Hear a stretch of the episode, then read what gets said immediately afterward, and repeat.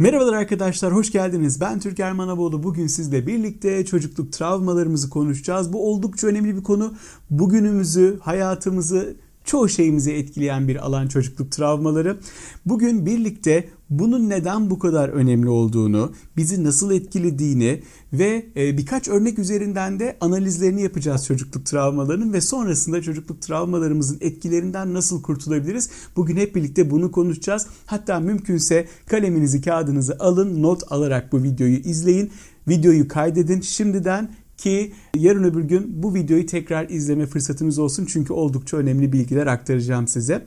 Şimdi arkadaşlar çocukluk travmaları ve daha doğrusu çocuklukta yaşadığımız olaylar bizi neden çok etkiler? Bugünümüzü neden etkiler? Geçmiş geçmişte kalmamış mıdır? Hayır, aslında kalmamıştır. Geçmişi geçmişte bıraktığımızı zannedebiliriz ama etkilerini hala daha üzerimizde taşıyor olma ihtimalimiz oldukça yüksek bu çocukluk travmalarının. Bunlar bizi neden etkiliyor ve nasıl etkiliyor? Biraz bunu konuşalım. Şimdi arkadaşlar biz çocukken adeta bomboş bir kağıt gibiydik ya da bomboş bir bilgisayar gibi, bomboş bir telefon gibi. İçinde herhangi bir program yüklü değil, herhangi bir bilgi kayıtlı değil, herhangi bir hafıza yok geçmişe dair.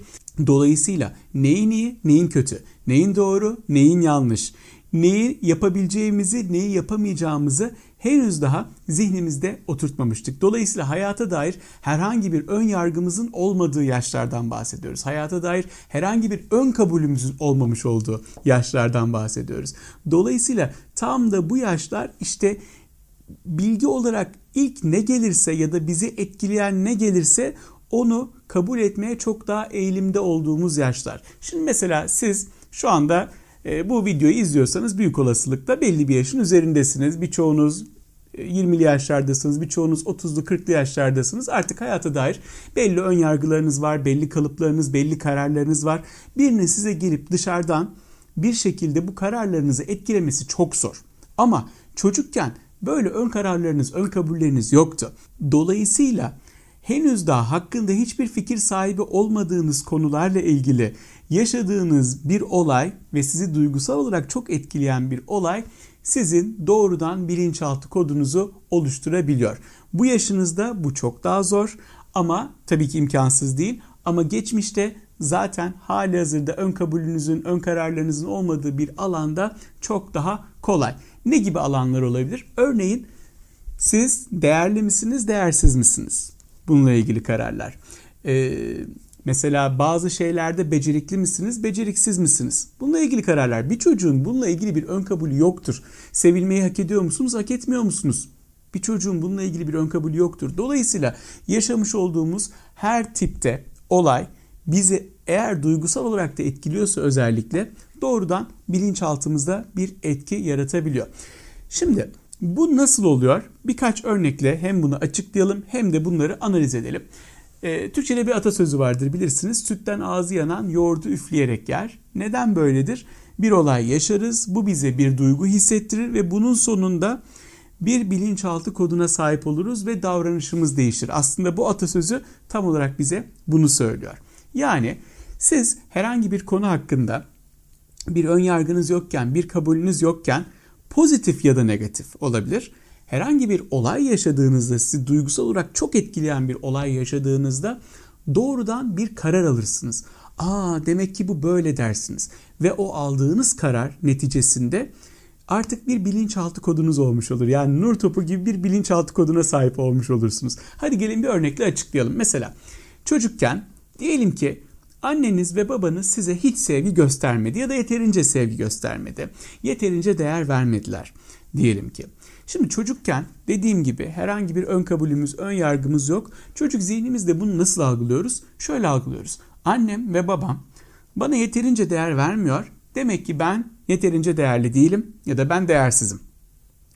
Annem babam bana yeterince sevgi vermiyor. Demek ki ben sevilmeyi hak etmiyorum, sevilmeye layık değilim. Örneğin Böyle bilinçaltı kodları çok çok yaygın arkadaşlar. Belki bu videoyu izlerken siz de ya evet bende de bu duygu var diyebilirsiniz. Çünkü en yaygın duygulardan bir tanesi bu. En yaygın çocukluk anılarından, travmalarından bir tanesi bu. Şimdi burada e, olayın derinlerine ineceğiz birazdan ama mekanizmaya bir kez daha bakalım. siz bir olay yaşıyorsunuz ya da bir durum yaşıyorsunuz. Hani illa tek bir olay olmasına gerek yok. Yıllar süren bir durumun kendisi, bir süreç olabilir bu. Bunu yaşıyorsunuz ve bu durumun, olayın ya da sürecin karşısında bir şey hissediyorsunuz. Bir duygu hissediyorsunuz. Ve o duyguya dair bir karar alıyorsunuz. Diyorsunuz ki aa demek ki ben sevilmeyi hak etmiyorum. Demek ki benim sevilmeyi hak etmek için ekstra bir şey yapmam lazım. Mesela bu da ikinci bir karar olabilir. Ya da ben değer görmeyi demek ki hak etmiyorum çünkü değer görmüyorum. Bu tarzda kararlar almış olabilirsiniz. İşte bilinçaltı kodları böyle şekilleniyor. Diyelim ki hayatınızda ilk defa bir işe giriştiniz yine çocukken ve o işi çok güzel şekilde yaptınız. Ve hemen aferin aldınız diyelim ki öğretmeninizden, takdir kazandınız diyelim ki birileri sizi övdü. O konuda hemen özgüveniniz gelişmeye başlar. Kendinizle ilgili bir karar alırsınız. Dersiniz ki ben şu konuda çok iyiyimdir şeklinde zihninizde ön kabuller oluşmaya başlar. Bu da aslında işin pozitif tarafı. Yani bilinçaltı bize sürekli negatif kodlamalar dayatmıyor arkadaşlar. Gördüğünüz gibi bazı örneklerde de pozitif yaşadığımız örnekler bizim pozitif kararlar almamıza, özgüvenimizi yükseltmemize bir şekilde vesile olabiliyor. Doğrudan bunu etkiliyor. Şimdi birkaç örnekte daha ilerleyelim. Bu sevgi verme, sevgi vermeme, değer verme, vermeme konusu dışında mesela anne babalar genelde kıyaslama yoluna gidebiliyorlar. Falancanın kızı, oğlu senden daha çalışkan, daha güzel, daha zeki, hamarat vesaire diyebiliyorlar. Ya da sen beceriksizsin, bak yapamıyorsun, eline yüzüne bulaştırdın tarzında şeyler söyleyebiliyorlar. Maalesef bizim kültürümüzde üzgünüm ki bunlar çok yaygın. Keşke olmasaydı ama bunları çok sık görüyoruz. Ha şu anda biraz daha anne babalar bilinçliler. Çocuklarına böyle uygulamalar yapmıyorlar. Ee, ama zamanında eskiden bundan 20 yıl önce 30-40 yıl önce hele ki çok daha fazla bu tür uygulamalar yaygındı biliyorsunuz. Dolayısıyla arkadaşlar e, bu tür şeyler hep bizler için negatif bilinçaltı kodlaması kaynağı oluyor. Çünkü anne baba böyle dediği için siz de buna hemen inanıyorsunuz. Neden? Çünkü aksini size inandıracak geçmişten gelen bir özgüven kaynağınız bulunmuyor. Geçmişten gelen ilave bir tecrübeniz bulunmuyor. Dolayısıyla özellikle çocuklukta söylenen bu tür şeyler bizi doğrudan etkiliyor. Hiçbir kararımız olmadığı için, hiçbir ön kabulümüz olmadığı için doğrudan zihnimize hemen bu bir karar olarak yazılıyor. Ha annem bana böyle dedi ya da babam sen beceriksizsin dedi. Demek ki ben hakikaten bu konuda beceriksizim gibi bir karar almanıza sebep verebiliyor arkadaşlar. Şimdi bunları yaşamış olmanız peki sizin kaderinizi doğrudan etkilemek zorunda mı? Hayır değil. Öncelikle bunların tamamı değiştirilebilir konular, tamamen aşılabilir konular. Yani yine e, kağıt örneğinden yola çıkacak olursak boş kağıda bir şeyler yazdınız ama o kağıdı silebilirsiniz. Üzerine başka şeyler karalayabilirsiniz. Ya da bilgisayara diyelim ki bir şeyler yüklediniz onları silebilmeniz mümkün her zaman için. Bilinçaltı için de benzer bir durum geçerli. Şimdi bilinçaltının mekanizmasını anlattık ama ben bunları anlattığım zaman danışanlarıma bazen şöyle bir soruyla karşılaşıyorum. Ya hocam ben bunları unuttum. Bunlar geride kaldı zaten. Ben bunları bir şekilde günlük hayatımda hatırlamıyorum. Sürekli bunlar aklımda değil. Ben bu konuları takılmıyorum. Dediklerine çok sık şahit oluyorum. Fakat durum çoğu zaman öyle değil. Evet, insanların bir kısmı gerçekten de bu negatif etkileri üzerlerinden atmış olabilirler. Bazen herhangi bir ekstra çalışma yapmadan da atmış olabilirler. Çünkü bazen e, bunların üzerine çok fazla pozitif olay yaşadığımızda o geçmişin negatifleri de silinebiliyor. Ama bu daha nadir karşılaşılan bir durum. Genel itibariyle çocuklukta yaşadığımız negatif olaylar, bu negatif bilinçaltı kodları kolay kolay etkisini yitirmiyor eğer üzerinde özel bir çalışma yapmadıysanız. Bunu kıyafetlerimize benzetebiliriz arkadaşlar. Mesela siz kıyafetinizi kullanıyorsunuz, giyiyorsunuz ve kıyafetinizin bir noktasında diyelim ki arka tarafında leke oldu. Sizin sürekli görmeyeceğiniz bir yerde bir leke oldu ve çok e, büyük bir leke. Yani iyice yıkamanız gerekiyor diyelim ki. Şimdi ama siz bunu kıyafeti giydiğiniz zaman o lekeyi görmüyorsunuz değil mi? O lekeyi görmüyor olmanız o lekenin orada olmadığı anlamına gelmiyor.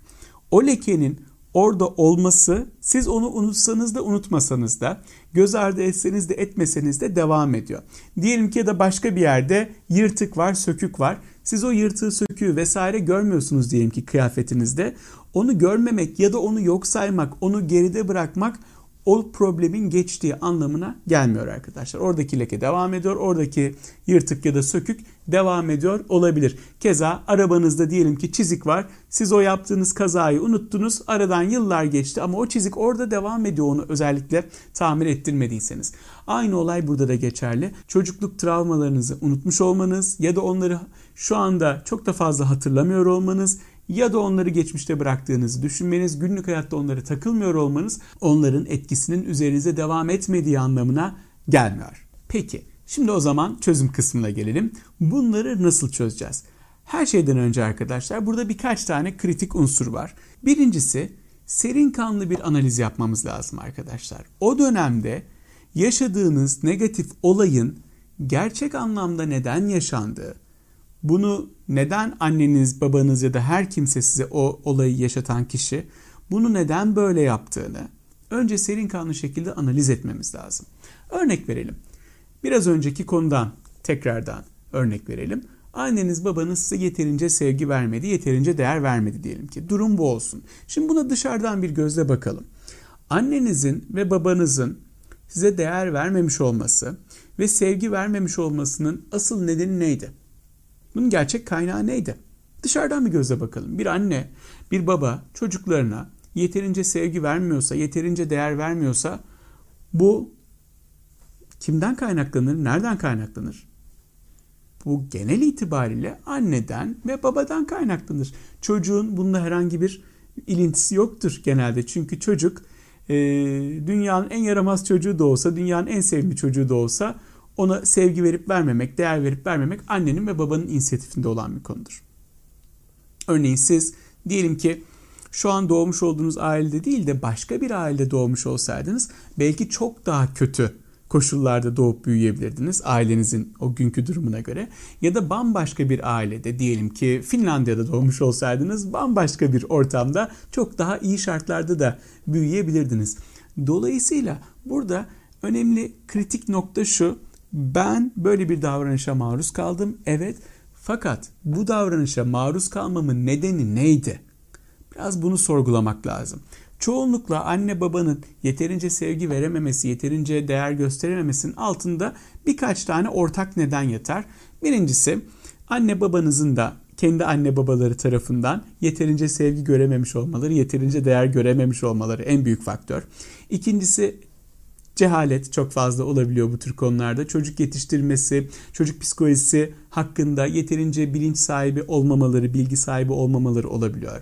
Önlerinde iyi bir rol model olmamaları, onlara yanlış yaptığını söyleyebilecek, ya bak sen bu çocuğa kötü davranıyorsun, böyle davranma, şöyle davran diyebilecek bir rol model olmaması gibi faktörler. Tabii ki bunlar dışında hayat kaygıları, yaşadıkları maddi zorluklar, manevi sıkıntılar, psikolojik sıkıntılar, evlilikle ilgili e, sorunlar vesaire vesaire. Hele ki çok fazla çocuk varsa ailede, anne, baba bir sürü işleri varsa ilgilenebilecek, e, vakit ayırabilecek noktada değillerse bunların hepsi birer etken arkadaşlar. Halbuki biz çocukken bunları böyle görmüyoruz. Bunları böyle yorumlamıyoruz. Nasıl görüyoruz, nasıl yorumluyoruz? Diyoruz ki ha annem babam bana değer vermiyor demek ki ben değersizim. Bu kadar.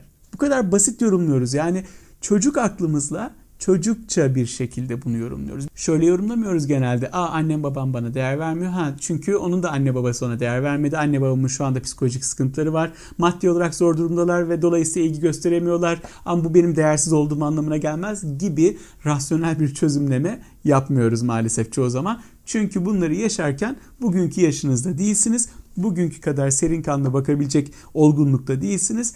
Muhtemelen 4-5-6 yaşlarındasınız ve dolayısıyla yaşadığınız olayı ilk aklınıza gelen şekliyle yorumluyorsunuz ve kabul ediyorsunuz. Ama bu çoğu zaman yanlış bir ön kabul oluyor arkadaşlar. Buraya kadar umarım her şey açıktır. Ee, bir örnek daha verelim mesela. Yine en çok yaşanan problemlerden bir tanesi öğretmenlerle yaşanan sıkıntılar. Öğretmenlerin kötü davranması. Mesela çocukları e, anne babalarının mesleklerine göre, maddi durumlarına göre ayırması ya da ders başarılarına göre ayırması, bunun üzerine çocuklara bir şekilde biraz zorbalık yapması, onlara bir şekilde kötü davranması bu tür şeyleri de çok yaşıyoruz. Biraz önce yaptığımız analiz burada da geçerli arkadaşlar. Aynı şekilde Öğretmeninizin böyle davranmasının altında da bazı sebepler var. Bu sebeplerden başlıcası öğretmeninizin bilinçsizliği, öğretmeninizin iyi bir öğretmenlik performansı sergileyememesi, tabii ki kalabalık sınıflar olması, öğretmeninizin kendi özel hayatıyla ilgili bazı sıkıntılar yaşıyor olabilme ihtimali vesaire vesaire. Burada da aynı şekilde birçok ihtimal var. Bir öğretmenin bir çocuğa kötü davranması o çocuğu değersiz yapmaz ya da o çocuğun beceriksiz olduğu anlamına gelmez ya da bir çocuğun bir derste yeterince başarılı olmaması çocuğun beceriksiz ya da yetersiz olduğu anlamına gelmez. Çocuk bir derste başarısızsa öğretmen ve ailesi o çocuğun e, genel itibariyle neden başarısız olduğu ya da neden derslerine yeterince ilgi duymadığının altındaki sebepleri araştırmakla aslında yükümlüdür. Fakat çoğu zaman e, en azından geçmişteki durumlara baktığımızda bu çok uygulanan bir model değildi. Hemen kolaya kaçılır. Ailelerimiz kolayca e, sen beceriksizsin diyebilirlerdi ya da öğretmenlerimiz kolayca sen beceriksizsin yapamıyorsun diyebilirlerdi. Dolayısıyla arkadaşlar biraz önce de söylediğim gibi birinci kural işi serin kanlı bir şekilde ele almak ve neyin neden yaşandığını analiz etmek. Birinci kural bu. İkinci kritik nokta arkadaşlar bu tür olayları mutlaka not alarak çalışın. Yani olayları tek tek yazın. Eğer yazmazsanız o duygular ve düşünceler arasında kaybolup gidersiniz. Emin olun ki e, sadece kendi kendinize bir düşünce dünyasında bu olaylar karman çorman olur.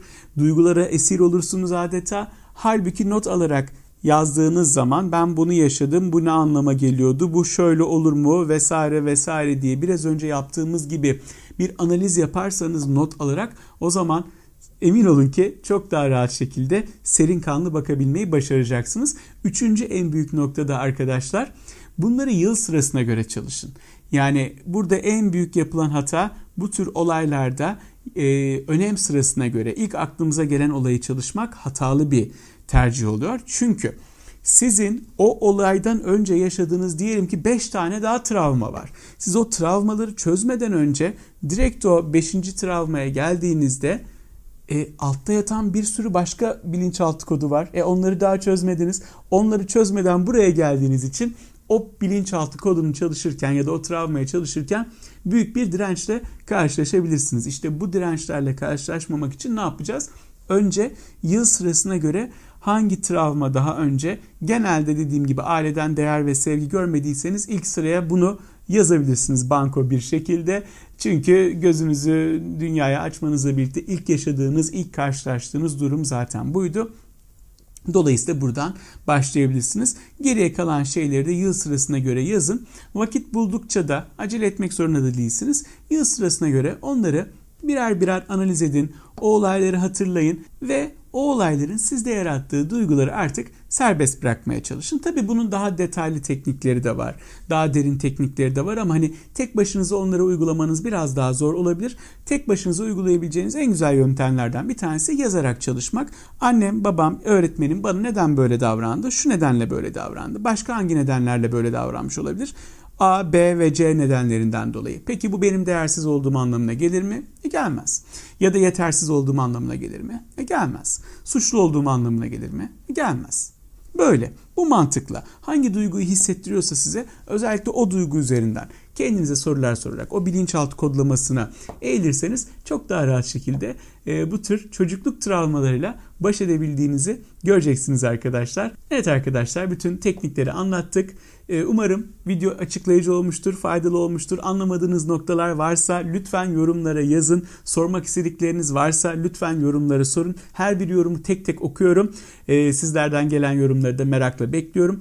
Bu arada sizin de eğer bu tür bir çalışma yapmak istiyorsanız ama tek başınıza yapamayacağınızı düşünüyorsanız tabii ki profesyonel bir destek almanızı da tavsiye ederim.